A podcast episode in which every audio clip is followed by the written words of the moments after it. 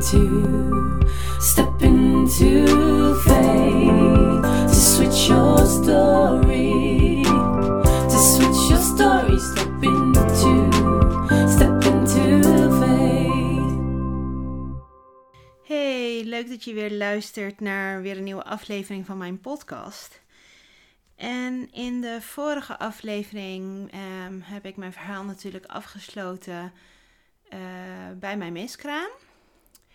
En ik dacht, ik ga vandaag even verder vertellen over hoe het eigenlijk de afgelopen paar maanden is gelopen. Want ik zei al wel in die aflevering ehm, dat het een enorm lange nasleep heeft eh, gehad. En als je me op Instagram volgt, dan uh, je het verhaal al wel een beetje en heb je er wellicht ook wel wat van meegekregen. Maar het is eigenlijk gewoon een bizar lange nasleep. Ehm, terwijl ik dit opneem is het ehm, woensdag 27 januari. En uh, dat betekent dus gewoon echt dat we al sinds 9 september, toen was namelijk de miskraam, uh, dat ik dus eigenlijk al zo lang bezig ben met een nasleep van de miskraam.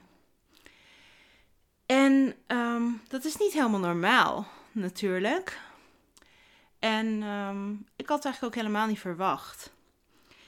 Ik had eigenlijk gewoon verwacht dat die miskraam, die op 9 september had plaatsgevonden, uh, daar heb ik toen uh, pillen voor gebruikt die dag. Toen heb ik ook echt wel. Ik uh, moest eerst vier pillen nemen. En dan moest je het vier uurtjes aankijken. Dus rond de uur of half tien heb ik die eerste vier pillen genomen. En toen um, ja, begon eigenlijk een beetje de bu buikkrampen, maar ik had nog niet echt bloeding. Dus in de instructies stond dat als je de, dat bij de eerste vier pillen niet werkte, dan moest je de volgende vier pillen nemen. Dus dat heb ik toen ook gedaan. Nou, ik heb echt uh, de rest van die middag toen ook echt um, heel erg buikkrampen gehad. Ik heb ook echt alleen maar de hele dag soort van van pampers op bed gelegen. Alleen maar de Netflix, volgens mij, die dag. Ik weet eigenlijk niet eens meer precies. Maar ik kon in ieder geval niet zoveel. Ik voelde me echt uh, belabberd. En aan het einde van de middag toen um, kwam er eigenlijk ook echt wel wat uit. En um, toen dacht ik eigenlijk van, nou, dit is het. Want ja, ik, ik heb nooit eerder een miskraam meegemaakt. Dus ik weet ook niet precies hoe het eruit moet komen te zien. En hoeveel het zou moeten zijn. Maar goed, er kwam wel wat uit. Um, nou, dat duurde denk ik iets van een uur of zo. Dat er wat meer uitkwam. En toen is eigenlijk al wel, ja, diezelfde avond. Toen werd het al wel steeds iets minder. En de dag, da, dag daarna werd het eigenlijk alweer nog minder. En mijn normale menstruaties, die zijn ook altijd een beetje zo altijd uh, heel kort. Ik ben altijd echt max drie dagen ongesteld. Um, waarbij het soms zelfs op de tweede dag al minder bloeding is. Dus ja, uh, ik, had, ik had niet echt het idee van dat er iets mis was of zo. Of dat er daarmee misschien iets niet helemaal goed was. Dus ik moest um, een paar weken later, ik denk iets van vier weken later, begin oktober, moest ik um, uh, of tenminste, ik moest eigenlijk gewoon eerst even afwachten tot mijn volgende menstruatie. En daarna, en um, als ik dat had, dan zou ik ook uh, weer een echo krijgen bij mijn fertiliteitsarts. Die dan zou kijken of mijn baarmoeder leeg was. Want om weer door te gaan met een volgend traject, dan moet die baarmoeder gewoon helemaal schoon zijn. Op dat moment had ik ook nog niet helemaal bedacht of ik al wel gelijk door wilde. Eigenlijk had ik bedacht, want ja, die hele miskraam was natuurlijk echt zo heftig, zo pijnlijk. Ik wilde het ook echt wel even rust geven en tijd geven. Maar je wil gewoon dat die baarmoeder schoon is. En ik dacht eigenlijk van, nou het is nu oktober. Ik denk dat we dan lekker um, begin 2021 weer opnieuw kunnen beginnen. Kan ik nog even de rust pakken en ook even kijken wat ik ook wil nog voor die laatste poging. Um, wilde ik wel in het ziekenhuis blijven? Wil ik misschien nog andere opties bekijken? Zijn er andere opties? Uh, zijn er ook andere opties qua hormoongebruik? Zo, wat kunnen we nog anders doen? En um, um, ja, eigenlijk was ik daar al een beetje wel mee bezig. Maar ik had het wel een beetje verderop geschoven. Een beetje op de lange baan met, ja, ik kan daar nog wel even rustig over nadenken. Eerst maar nu even de afhandeling, zeg maar, van de miskraam. En toen kwam ik dus voor die echo begin oktober. En toen uh, bleek die dus helemaal niet goed te zijn. En dat had ik helemaal niet verwacht. Want ja, ik dacht van, nou, er is ook echt wel wat uitgekomen die dag van de miskraam. Dus ik dacht, dit is het. Maar het, uh, bleek gewoon echt best wel een beetje rommelig in mijn baarmoeder. Ehm, en ehm, er was gewoon best wel wat vocht ook te zien. Dus ik moest weer een dag of tien of zo later moest ik weer terugkomen. Weer een echo. Het zijn elke keer van die inwendige echo's echt. In dit traject, je raakt er gewoon aan gewend. Het is ook niet meer gênant of wat dan ook. Uh, je gaat er gewoon liggen met je benen in die beugels elke keer weer. En uh, zo'n ding in, um, in je vagina. Dat uh, is niet heel prettig, maar je raakt er wel aan gewend. En iedereen die in het traject zit, weet ook precies waar ik het over heb. En um, ja, het wordt eigenlijk een soort van um, uh, beetje gekke gewoonte of zo. Je gaat er in ieder geval wel aan wennen. Um, maar ja, bij die echo bleek dus echt dat het nog steeds niet goed was. En toen uh, gaf mijn arts aan, ja, ik denk eigenlijk dat het dan toch alsnog een curettage wordt. Nou ja, dat wilden we natuurlijk eigenlijk voorkomen. Daardoor had ik natuurlijk die pil genomen. Dus dat uh, zou wel heel vervelend zijn. Maar ja, als het niet anders is, dan is het niet anders, hè. Dus zij um, uh, gaf aan, ja, het wordt waarschijnlijk een curettage, maar ik ga het nog wel met de gynaecoloog overleggen en dan kom ik erbij op terug. Nou, toen belde ze uiteindelijk toch nog aan het einde van de dag dat ze met de gynaecoloog had overlegd, want ja, uh, curettage, dat zou dan plaats moeten vinden op de OK. En alles rondom corona proberen ze dat natuurlijk zo min mogelijk te doen. Dus ze wilden kijken naar de oplossingen die er zijn om het op de polykliniek te doen. Dus toen kwamen ze met een hysteroscopie. En um, dat is een behandeling die ze dan onder een roesje doen. En um, dus dat is eigenlijk onder sedatie. Dus uh, geef je eigenlijk wel een soort van slaapmiddel. Je bent wel echt helemaal oud, maar je bent er wel sneller door wakker. Je kan eigenlijk weer, binnen een paar uurtjes ben je weer weg. En um, ja, dat hadden ze dus aangegeven dat ze dat dus wilden doen. En dan echt met een cameraatje kijken. Dus dan wordt er echt met een cameraatje gekeken. En aan dat cameraatje zou dan ook een soort van happertje zitten. Zodat als ze dan uh, iets zien wat niet goed is of wat ze dan weg kunnen halen, dat ze dat met dat happertje wat aan het cameraatje zit, dat ze daarmee weg konden halen. Dus ik moest weer wachten. Zoals dit hele traject. Ik ben alleen maar aan het wachten. En ik moest weer wachten op um, um, de uh, polykliniek die dan een afspraak zou gaan inplannen um, uh, van de afdeling gynaecologie. Nou, dat duurde even, ik hoorde niks. Nou, dan ga ik er toch weer zelf achteraan, toch even bellen of even mailen. Uiteindelijk uh, kreeg ik contact. Toen zei ze van ja, sorry, we hebben nog geen contact met je opgenomen. Want we moeten eerst de anesthesie spreken. Die moet jou ook eerst even bellen. Dus ja, het was weer wachten, wachten, wachten.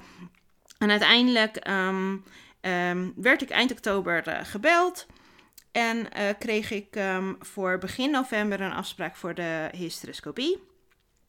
Uh, uiteindelijk belde ook uh, de afdeling anesthesie. Die checkt dan echt of alles goed is, zeg maar, qua je gezondheid. Ik moest ook een vragenlijst van tevoren invullen. Verder belde de apotheek om te checken met betrekking tot medicijngebruik. Waar ik helemaal niks anders gebruikte dan de hormonen die ik nodig had voor, um, voor mijn trajecten. Dus begin november um, de hysteroscopie. En um, je moet daarvoor dan nuchter zijn. Dus ik mocht niks meer eten. Tot in ieder geval 6 uur voor de behandeling. Nou, de afspraak stond voor 9 uur ochtends. Dus ja, dus dan eet je gewoon eigenlijk al vanaf de avond van tevoren niet meer. En dan mag je tot 2 uur van tevoren nog wel een beetje drinken. Maar echt zo min mogelijk. En ik moest wel twee paracetamol slikken. Dus dat had ik gewoon netjes gedaan. Uh, een uurtje ongeveer van tevoren. En um, toen kwam ik dus in het ziekenhuis en Stan mocht gelukkig wel mee. Die mocht me ook brengen. Maar um, echt alleen naar de afdeling en tot aan de deur. Tot aan de deur waar ik dus naar binnen ging. En hij moest dan weg. Dan wist hij in ieder geval welke deur het was. En ik kwam dus uh, binnen. En uh, het was zeg maar zo'n um, soort van verpleegkamer met drie bedden. Uh, met van die gordijntjes ertussen. En um, het was eigenlijk een soort van lopende band. Wat ze daar aan het doen waren. Het was zeg maar de kamer daarnaast, daar werd je behandeld. En dan was ja, die kamer waar ik dus binnenkwam, daar kon ik me dus omkleden of uitkleden. Of in ieder geval mijn schoenen en mijn jas daar laten. En dan um, was dat ook zeg maar een soort van je uitslaapkamer. En uh, terwijl dus een andere dame eruit gereden werd uit de kamer daarnaast, uh, was ik daarna aan de beurt. Nou, ik kreeg dus van die plakkertjes opgeplakt. Um, door de anesthesist. Uh, er werd ook een infuus aangelegd. En um, toen eh, mocht ik in de kamer daarnaast mocht ik me uitkleden. En dan kwam ik eigenlijk in zo'nzelfde soort stoel te zitten als wat ze gebruikte bij de punctie. Dus wat ik al, ja, dus eigenlijk die plek, die kende ik al wel. Uh, want de punctie, daar gebruiken ze dus zo'nzelfde soort stoel voor. En het is eigenlijk gewoon zo'n stoel met van die beugels. Uh, alleen dan wel met allemaal apparatuur er nog naast, omdat ze je dan wel helemaal in de gaten houden vanwege die sedatie. Dus vandaar dat er wel de anesthesist bij is en nog allemaal assistenten. Ze waren echt, ik weet niet, ik denk dat er wel iets van vijf mensen in die ruimte nog waren. En um, ja, toen kreeg ik dus die sedatie en dat is dan, um, ja, je valt eigenlijk gewoon uh, rustig in slaap. En dan ja, krijg je eigenlijk helemaal niks meer mee verder van de behandeling. Dus um, ik dacht, oké, we gaan, uh, we zien het wel en ik uh, merk het wel als ik wakker word. En toen werd ik dus wakker. En toen uh, was ik nog een beetje, eigenlijk een beetje wazig nog. Maar toen kwam, um, toen ik wel een beetje bij al was, toen kwam de gynaecoloog naar me toe, een dame. En die uh, vertelde mij dus dat, uh, dat het helaas gewoon niet zo goed was. Dus ik dacht echt van, hoezo niet goed? Ze zegt van, ja, het is helaas niet gelukt. Huh, het is niet gelukt? Wat kan er nou niet gelukt zijn? Ze zegt van, uh, ze, dus toen ging ze, begon ze met uitleggen dat ze uh, de baarmoedermond inging uh, met dat cameraatje. Het was zeg maar in dit geval, het was een iets groter cameraatje wat ze gebruikte. Maar ze had een soort van verkeerde afslag genomen. Nou, dan moet je echt aan mij vertellen, verkeerde afslag. Ik snapte er echt, ik snapte er niks van. Maar op dat moment, je bent net uit zo'n roes. Uh, ik was daar alleen. Ik was, Stan was er niet bij. Dus nou, ik was dat allemaal aan het aanhoren. Ze vertelde in ieder geval, het was niet gelukt. En um, uh, ze zei van, ja, sorry, dat betekent dus nu dat um, je eerst nu van deze behandeling moet herstellen. Dat duurt ongeveer drie tot vier weken. En dan moet je helaas nog een keer. Nou, dat was wel even een soort van klap in mijn gezicht. Want ja, het was natuurlijk al 5 november. Dat betekent dus dat het weer twee maanden later was na de miskraam.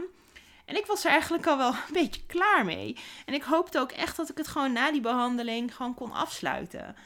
Maar ja, dat was dus helaas niet het geval. Dus ik ging naar huis. En toen probeerde ik aan mijn familie uit te leggen wat er nou was gebeurd. Want ja, ik stuur dan, ik maak dan zo'n zo'n appje met mijn hele verhaal. En toen stelde mijn zus allemaal vragen en mijn ouders. En ik kon die eigenlijk helemaal niet beantwoorden ik uh, wist eigenlijk gewoon niet echt precies wat er nou was gebeurd. Dus, um, dus dan heb ik gelijk contact gezocht ook met het ziekenhuis. En die hadden al wel, de, uh, de verpleegkundige had al wel gezegd toen ik wegging van... Uh, als je nou vragen hebt, je kan altijd contact opnemen. En um, nou, dat bleek ook wel echt nodig. Want ja, als je dan dus zoiets uitgelegd krijgt terwijl je net zo'n roesje hebt gehad en je bent alleen. Dus je man is er niet bij, die dan ook gewoon, terwijl die er gewoon nuchter bij zou zijn. Die zou dan gewoon, weet je, met zijn volledige hoofd erbij zijn en dan misschien een soort van logische vragen kunnen stellen. Um, nee, dat uh, was dus niet gebeurd. Dus het was heel fijn dat ik toch nog eventjes uh, contact uh, had gezocht. En echt um, al de volgende dag had de gynaecoloog echt gelijk weer gebeld om al mijn vragen te beantwoorden. Had ik ook echt al mijn vragen op papier gezet. En toen heeft ze uitgelegd dat ze eigenlijk de baarmoedermond uh, inging. Dus dat is eigenlijk een soort van, dan kan je dan eigenlijk een beetje zien als een soort van gangetje waar ze doorheen moet. En dan moet ze in de hol, baarmoederholte uitkomen. Daar had ze in terecht moeten komen. Maar ze was per ongeluk een soort van, nou ze noemde dat dus een verkeerde afslag. Is ze dus een fausroute, noemde ze dat. In mijn, um, uh, in de soort van wand uh, terechtgekomen. In de spierwand. En um, doordat ze die route had afgelegd, lukte het daarna niet meer om de goede route te nemen. En dat is gewoon heel vervelend. Maar um, helaas, daar dus niks aan te doen. Dus, um, uh, en doordat ze die route had genomen, is ze dus in die spierwand terechtgekomen. En daar is dus ook een klein wondje ontstaan. En dat moest dus eerst herstellen voordat ik dus weer opnieuw kon. Dus ja, dus weer drie weken uiteindelijk gewacht. En toen uh, kon ik op 26 november gelukkig opnieuw. Nou, nu wist ik natuurlijk ook al wat ik kon verwachten. Dus uh, weer opnieuw die hele behandeling. Um, weer precies hetzelfde. Met uh, de paracetamol die ik geslikt had. Met weer de sedatie. precies dezelfde ruimtes. alleen iets andere mensen, wel dezelfde arts. En um, toen is het gelukkig goed gegaan. En um, toen zei de gynaecoloog ook daarna tegen mij met, um, ja, toen ik de camera eruit haalde, Toen zag ik dat het eh, schoon was. Dus, ehm, dus dat was gewoon fijn om te weten. Ze had, ehm, eh, er zat wel echt nog een restant echt geplakt aan mijn baarmoeder, uh, in mijn baarmoederholte, aan de wand. En dat heeft ze heel voorzichtig ehm, weggehaald. uiteindelijk wel echt met dat happertje wat dus aan zo'n cameraatje zit. En ja, dat was dus gelukkig goed gegaan. Nou, dat is natuurlijk uh, heel fijn nieuws. Toen dacht ik ook echt van, nou, nu kunnen we het eindelijk afsluiten. Hè? Nu is dat gewoon klaar. Kunnen we eindelijk door. Dus ehm, ik had ook al tegen de arts toen gezegd, tegen de gynaecoloog gezegd met... Ehm, ehm, ja, ik wil eigenlijk wel ook uh, iets nieuws proberen in mijn volgende traject. Als we weer opnieuw uh, het ICSI-traject gaan opstarten, wil ik andere hormonen uitproberen. Want er zijn twee hormonen. Um, waar ze bij ons in het ziekenhuis mee werken. En ik had um, uh, menopuur hormoon gebruikt in, in de eerste twee pogingen. En het andere hormoon is gewoon al F. Um, ik had me daar ook nog niet helemaal, ik nog steeds niet helemaal in verdiept wat daar de verschillen in zijn. Alleen ik weet wel, het is een iets ander hormoon. Dus ik dacht, ik wil in ieder geval iets nieuws proberen. Dus dat had ik alvast aangegeven. Ik dacht, nou, dat is maar fijn als ze dat gewoon maar vast weten. En dan kunnen ze dat ook, uh, konden ze dat ook even soort van intern met het team bespreken. Of dat ook soort van de juiste het juiste behandelplan voor mij zou zijn. Dus ik mocht een week of twee later mocht ik terugkomen voor een controle-echo bij die gynaecoloog, die ook mijn behandeling had gedaan. En um, toen was ik daar dus. Um, en uiteindelijk was het al na Sinterklaas in december, tweede week december. En toen deed ze dus uh, weer een echo, weer een inwendige echo. En toen bleek dus gewoon dat het nog steeds niet schoon is. Nou, dat geloof je toch niet? Dan denk je echt, hoe dan? We hebben al twee uh, behandelingen geprobeerd, zeg maar, waarvan natuurlijk die ene dan mislukt is. Maar bij die andere, op het moment dat ze die camera eruit haalden, was het gewoon schoon. Dus wat is er nou gebeurd? En um, ja, ze weten het eigenlijk, ze wisten het eigenlijk gewoon niet precies. En ze gaf ook aan van, nou, het lijkt gewoon toch alsof er nog steeds stolsels dan zijn achtergebleven. En dan kan het gewoon zijn dat het toch ook een beetje na um, die behandeling is gebeurd. Dat ik daarna gewoon nog wel, dat er een soort van bloeding daaruit is gekomen. Of dat er, ja, dan, ja, iets van wat er dan nog in mijn baarmoeder speelt, dat dat dan toch um, soort is gaan ophopen. En um, um, ja, ze gaf, uh, ze gaf in ieder geval aan van laten we in ieder geval afwachten tot je volgende menstruatie. En um, het liefst willen we dat die in ieder geval binnen zes weken komt na jouw behandeling. Dus op 26 november was die behandeling. Dus binnen zes weken, dat zou dan op ongeveer begin januari uitkomen. Nou, dan had je toch die feestdagen. Dus uh, nou, prima. Dus um, we, moesten, we moesten wachten weer. Ach ja, het uh, becomes the story of your life, zeg maar. In dit traject is wachten, wachten, wachten. En ik weet niet of ik het de vorige keer ook gezegd had, maar ik ben niet echt iemand met heel veel geduld. Maar je wordt gewoon heel erg op de proef gesteld in zo'n traject als dit. Dus, en er is gewoon geen andere keuze. Je moet gewoon wachten. En um, ja, dus toen begon het wachten op mijn volgende menstruatie. En toen had ik uh, vlak voor kerst opeens, uh, op een nacht, uh, ehm, 21 op 22 december, die nacht, had ik opeens een enorme buikpijn. Echt een enorme buikpijn.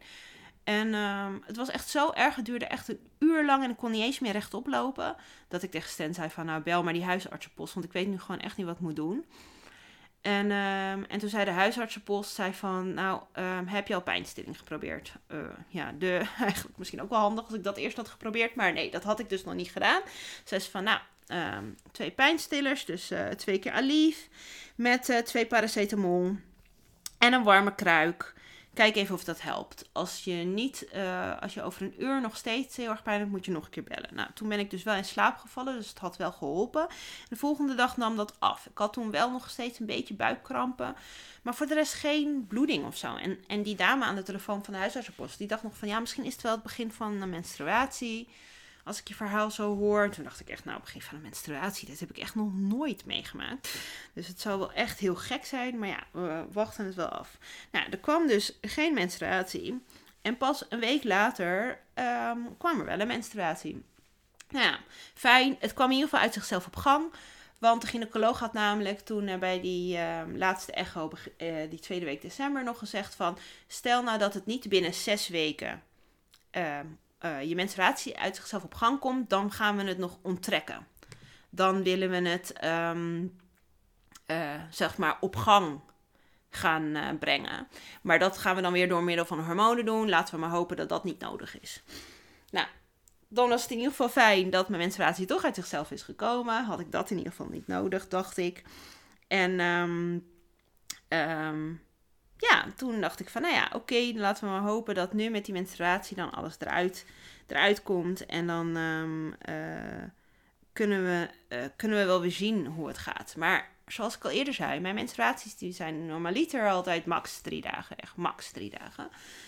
En uh, mijn fertiliteitsarts had al wel eerder gezegd dat dat vindt ze gewoon heel kort. Dat is eigenlijk een beetje te kort. En ook niet extreme bloeding of zo. Dat het echt heel veel is. Dat heb ik gewoon echt nooit. En ik heb er nooit echt last van gehad. Ik vond het eigenlijk altijd wel fijn dat het uh, nooit zo extreem was. En dat ik er ook nooit zo heel erg last van had daardoor.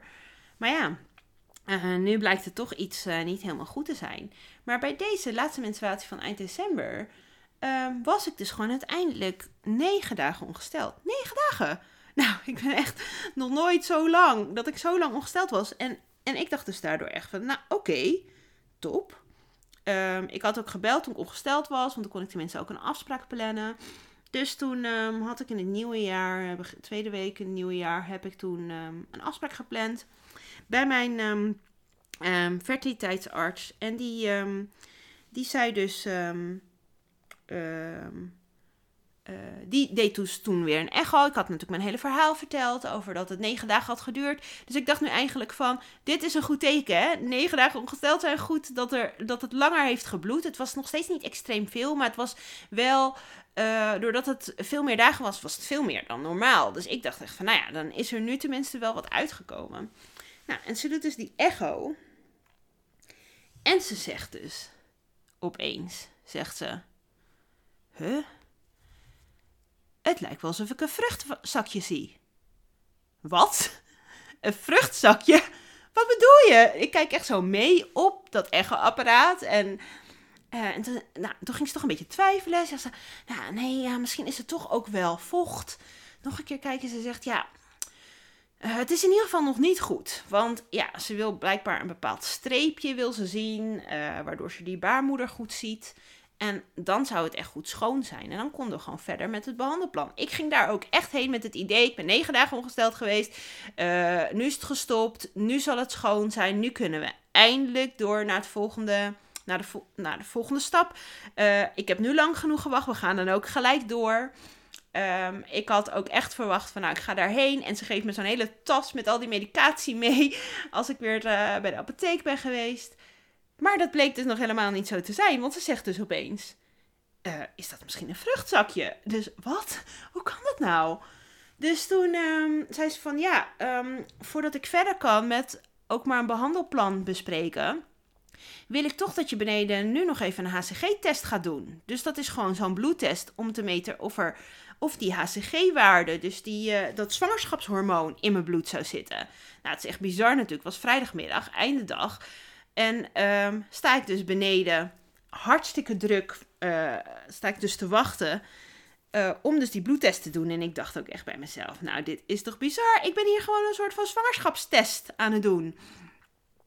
Hoe kan dit dan? Dus um, uh, ze zei van ja, ik, ik denk niet dat het een vruchtzakje is, maar ik moet het toch uitsluiten.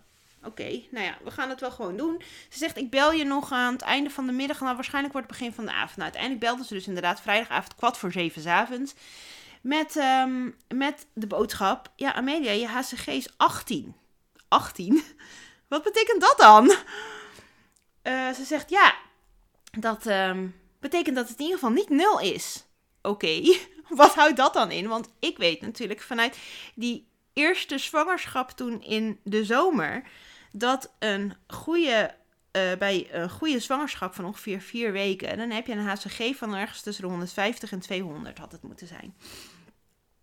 En ik had dus nu 18. Dus ehm, ze zei van ja, dat kunnen dus twee opties zijn. Ze zegt het, ehm, eh, het kan zijn dat het nog resterende waarde is van eh, jouw zwangerschap in augustus. Alleen dat verwachten ze niet omdat het al zo lang geleden is. Ze zei als jij nou veel verder zwanger was. Kijk, ik was natuurlijk maar eh, toen, toen wij die echo deden, zeven weken. Maar toen we de, de bloedtest deden die positief was, was, was er een HCG-waarde van 527. Maar toen was ik dus vier weken zwanger. Ze zegt, kijk, als je nou 12, 13 weken zwanger bent, dat gun je natuurlijk helemaal niemand. Maar als dat zo is en je hebt dan een miskraam, uh, dan heb je een veel hogere ACG-waarde. Dan kan het ook nog veel langer in je bloed zitten. It makes sense, zeg maar, hè, dat verhaal. Maar nu had ze dat niet verwacht, dat dat nog zo is. Dus, um, dus ze zei van ja, wat het ook nog kan zijn, is dat je misschien toch met um, um, die laatste behandeling eind november uh, daarna had ik, na die behandeling, had ik nog een bloeding. Uh, maar ja, ik dacht dat het gewoon van die behandeling was. Want dat had ik ook van die behandeling van begin november. En uh, ze zegt van, het kan zijn dat dat ook een menstruatie was. Als dat ook een menstruatie was, dan had je ergens rondom 10 december je ijsprong.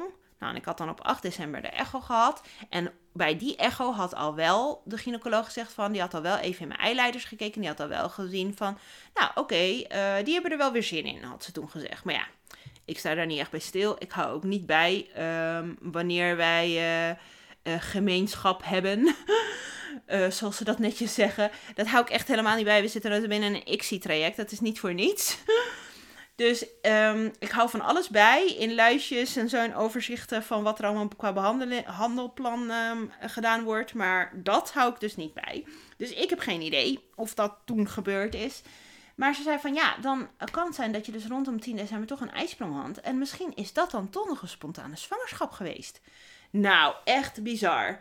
En dat is dan ook gewoon, ja, je hele hoofd gaat dan echt het is gewoon, ik zeg altijd, dit is een grote rollercoaster.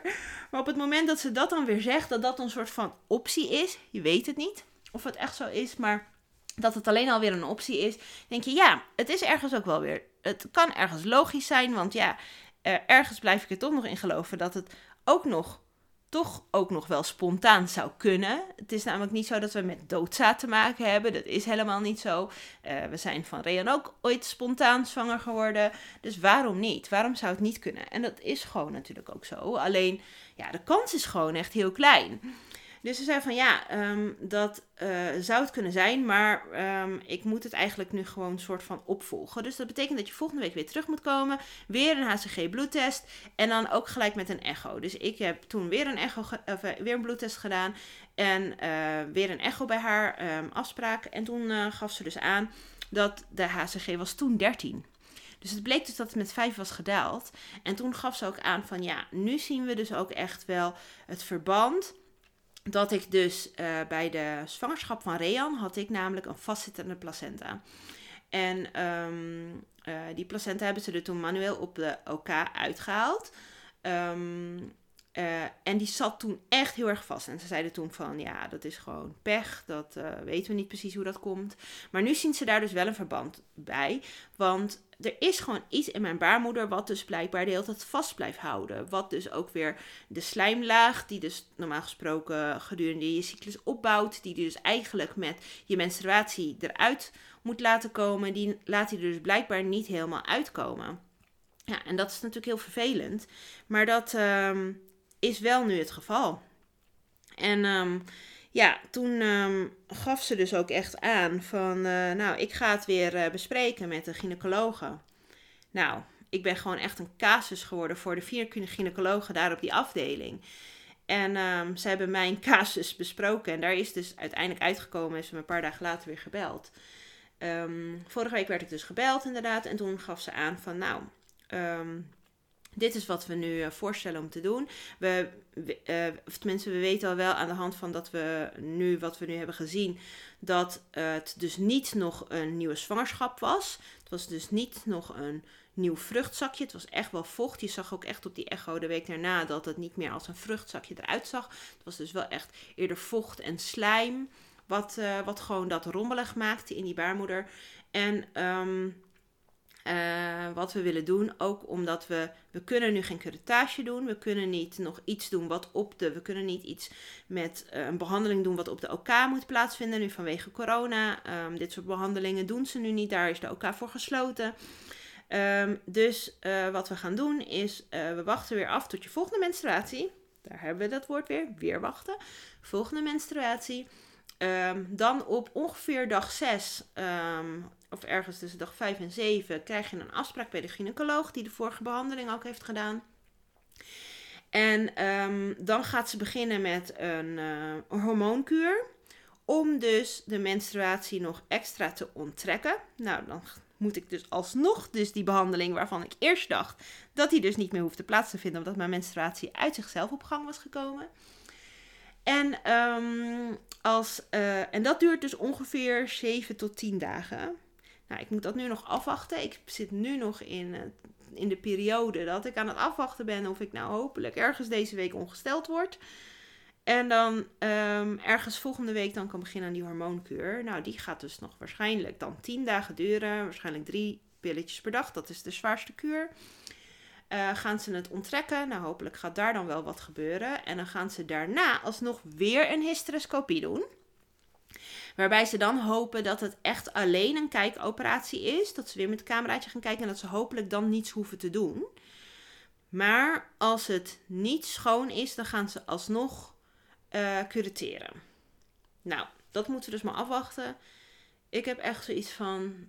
Ik zie het wel. Het was wel even, ik moet wel echt even eerlijk zeggen. Daar heb ik ook nog een post over geschreven trouwens vorige week op Insta. Want ik ben over het algemeen van altijd de positieve boodschap brengen. En ik sta natuurlijk echt heel erg positief in het leven. Maar op het moment dat ze dat vertelde, ehm, was het echt, nou niet alleen op het moment, eigenlijk vlak daarna meer, dat je er echt over, over na kan denken. Toen kwam het echt even binnen. Het was gewoon echt even flink kloten, zeg maar. Het is gewoon echt dat je op de. Ik realiseerde me gewoon op dat moment een soort van, het was een soort van besef dat het, het wordt echt zo'n soort van heel ver van je bedshow. Dat de hele, ja, de hele, überhaupt de kans op nog een zwangerschap, nog kans op dat tweede kindje, die kansen die worden gewoon steeds kleiner. Eerst was namelijk, gingen wij namelijk dat XI-traject in met, uh, oké, er is zwak, we hebben zwak zaad dat is een dingetje waar we mee te dealen hebben. Maar de rest in mijn lichaam was in principe altijd goed. En nu, wat we natuurlijk sinds de miskraam hebben meegemaakt, is dat er bij mij in mijn lichaam van alles eigenlijk niet echt goed is. Of in ieder geval mijn baarmoeder, wat echt een heel belangrijke plek juist natuurlijk is. Ehm, dat er, ja, nu dus, dat dat dus niet helemaal goed is, helaas. En dat daar, ja, daar heb je wel even mee te dealen. Maar dat betekent wel dat er dus nu nog meer dingen bij komen kijken. Daarnaast speelt ook nog een keer mijn leeftijd mee. Ik ben toch al 39,5. Ja, de kansen worden gewoon steeds kleiner. Betekent niet dat we opgeven, echt helemaal niet. Ik ben ook wel weer, weet je, nu een week later ben ik ook best wel, ik ben ook weer, weer helemaal oké. Ik heb het ook eventjes toegelaten, die teleurstelling, dat machteloosheidsgevoel, vooral dat. Dat gevoel van, je hebt er gewoon geen invloed op. Je kan gewoon, je kan gewoon niks doen. Je kan gewoon niks doen behalve wachten en de adviezen opvolgen van je artsen. En nu, ik vertrouw mijn artsen echt 100%. En, uh, en het is ook gewoon echt, mijn fertiliteitsarts is zo fijn. Uh, Zo'n fijn mens. Uh, heel sterk empathisch vermogen heeft ze. Dus ja, ze leeft ook zo mee. dat is gewoon zo fijn. En um, ja, ik um, had daardoor ook, heb daardoor ook met dat vertrouwen en dat, dat het gewoon goed voelt. Dat, dat is gewoon ook zo fijn om te hebben. Want ja, ik heb het wel daar maar mee te doen. Dus het is wel fijn dat ik ook dat vertrouwen ehm, ook gewoon in mijn artsen heb. En, ehm, en dat is toch iets wat, ja, ik, ik vind dat wel iets heel belangrijks. En ehm, ja, dus we, we gaan het wel weer zien. En helaas, ik kan dus nog niet verder. Ik kan nog steeds niet, niet echt vooruitkijken. En dat is natuurlijk hetgene wat heel frustrerend is. Vooral omdat natuurlijk tijd ook wel. Het klokje tikt gewoon verder. Je kan gewoon niet vooruitkijken. En dat maakt dit hele proces gewoon heel frustrerend. En eh, ik wil zo graag vooruitkijken, weet je. Ik wil zo graag weer een soort van echte hoop kunnen hebben. Ik zie op Instagram allemaal stories en posts over mensen die, weet je, met, uh, met hun hormonen bezig zijn, puncties hebben, dat soort dingen. Ja, dat wil ik ook gewoon weer heel graag. Want ja, op het moment dat je weer, dat je echt weer in dat traject zit, dan kan je weer hoop hebben. En um, ja, en ik kreeg ook al vragen van mensen van, ja, en wat gaat dit zo meteen, wat heeft het zo meteen nog voor gevolgen? Hè? Um, uh, is er, worden de kansen alleen maar nog kleiner? Of uh, heeft het nog leeft nog iets van beschadiging of iets in je baarmoeder op? Ja, ik weet het niet. We weten het nu gewoon niet. Um, en dat, ja, we wachten dat ook maar af. Dus wat dat betreft, ik um, hou gewoon toch vast aan dat leven in vertrouwen. Want ja, ik heb geen andere keus. Tuurlijk, ik, ik, heb wel, ik zou ook kunnen kiezen voor geen vertrouwen hebben. Maar daar heb ik gewoon helemaal niks aan. Daar heb ik helemaal niks aan. Dus ik kies echt voor het leven in vertrouwen. En um, ik kies er daardoor ook voor om mijn artsen te vertrouwen, het proces dus te vertrouwen. En dus daardoor maar te zien wat er gebeurt en het maar op me af te laten komen. En dat is echt niet altijd gemakkelijk. Maar um, um, door, wel, door echt wel bewust te kiezen voor dat vertrouwen, geeft het wel heel veel rust. Um, en, dat, um, en je hebt natuurlijk niet altijd rust in je hoofd. Uh, maar ik kies wel bewust voor momenten van rust. En daar ga ik nog wel later meer over vertellen. over magische ochtendroutine, over me-time routines, goed voor jezelf zorgen. Ik denk dat namelijk heel erg belangrijk is in dit hele proces. Dat je echt goed voor jezelf moet blijven zorgen. En dat, um, dat doe ik volgens mij ook wel. Dus um, ja, ik, uh, dit was eigenlijk ja, mijn hele verhaal, denk ik, tot nu toe. Uh, er is er nog, waarschijnlijk nog heel veel anders. Ook alles wat er omheen speelt, zeg maar. Dingen die er in je hoofd spelen. Um, daar is nog wel veel meer over te vertellen. En dat uh, ga ik ook nog wel in andere podcastafleveringen doen. Um, maar ik ben nu alweer veel te lang aan het kletsen. Dus um, ik wil je weer bedanken uh, dat je hebt geluisterd. En um, tot de volgende aflevering. Leuk dat je hebt geluisterd naar deze aflevering van Amelia Stegwij podcast. Wil je meer weten? Kijk op ameliastegwij.nl of volg me op Instagram, Amelia Vind je dit een leuke podcast? Dan zou je mij natuurlijk enorm helpen door een review achter te laten, zodat mijn podcast beter gevonden wordt. En ik hopelijk nog meer mensen mag inspireren. Alvast heel erg bedankt en tot de volgende aflevering.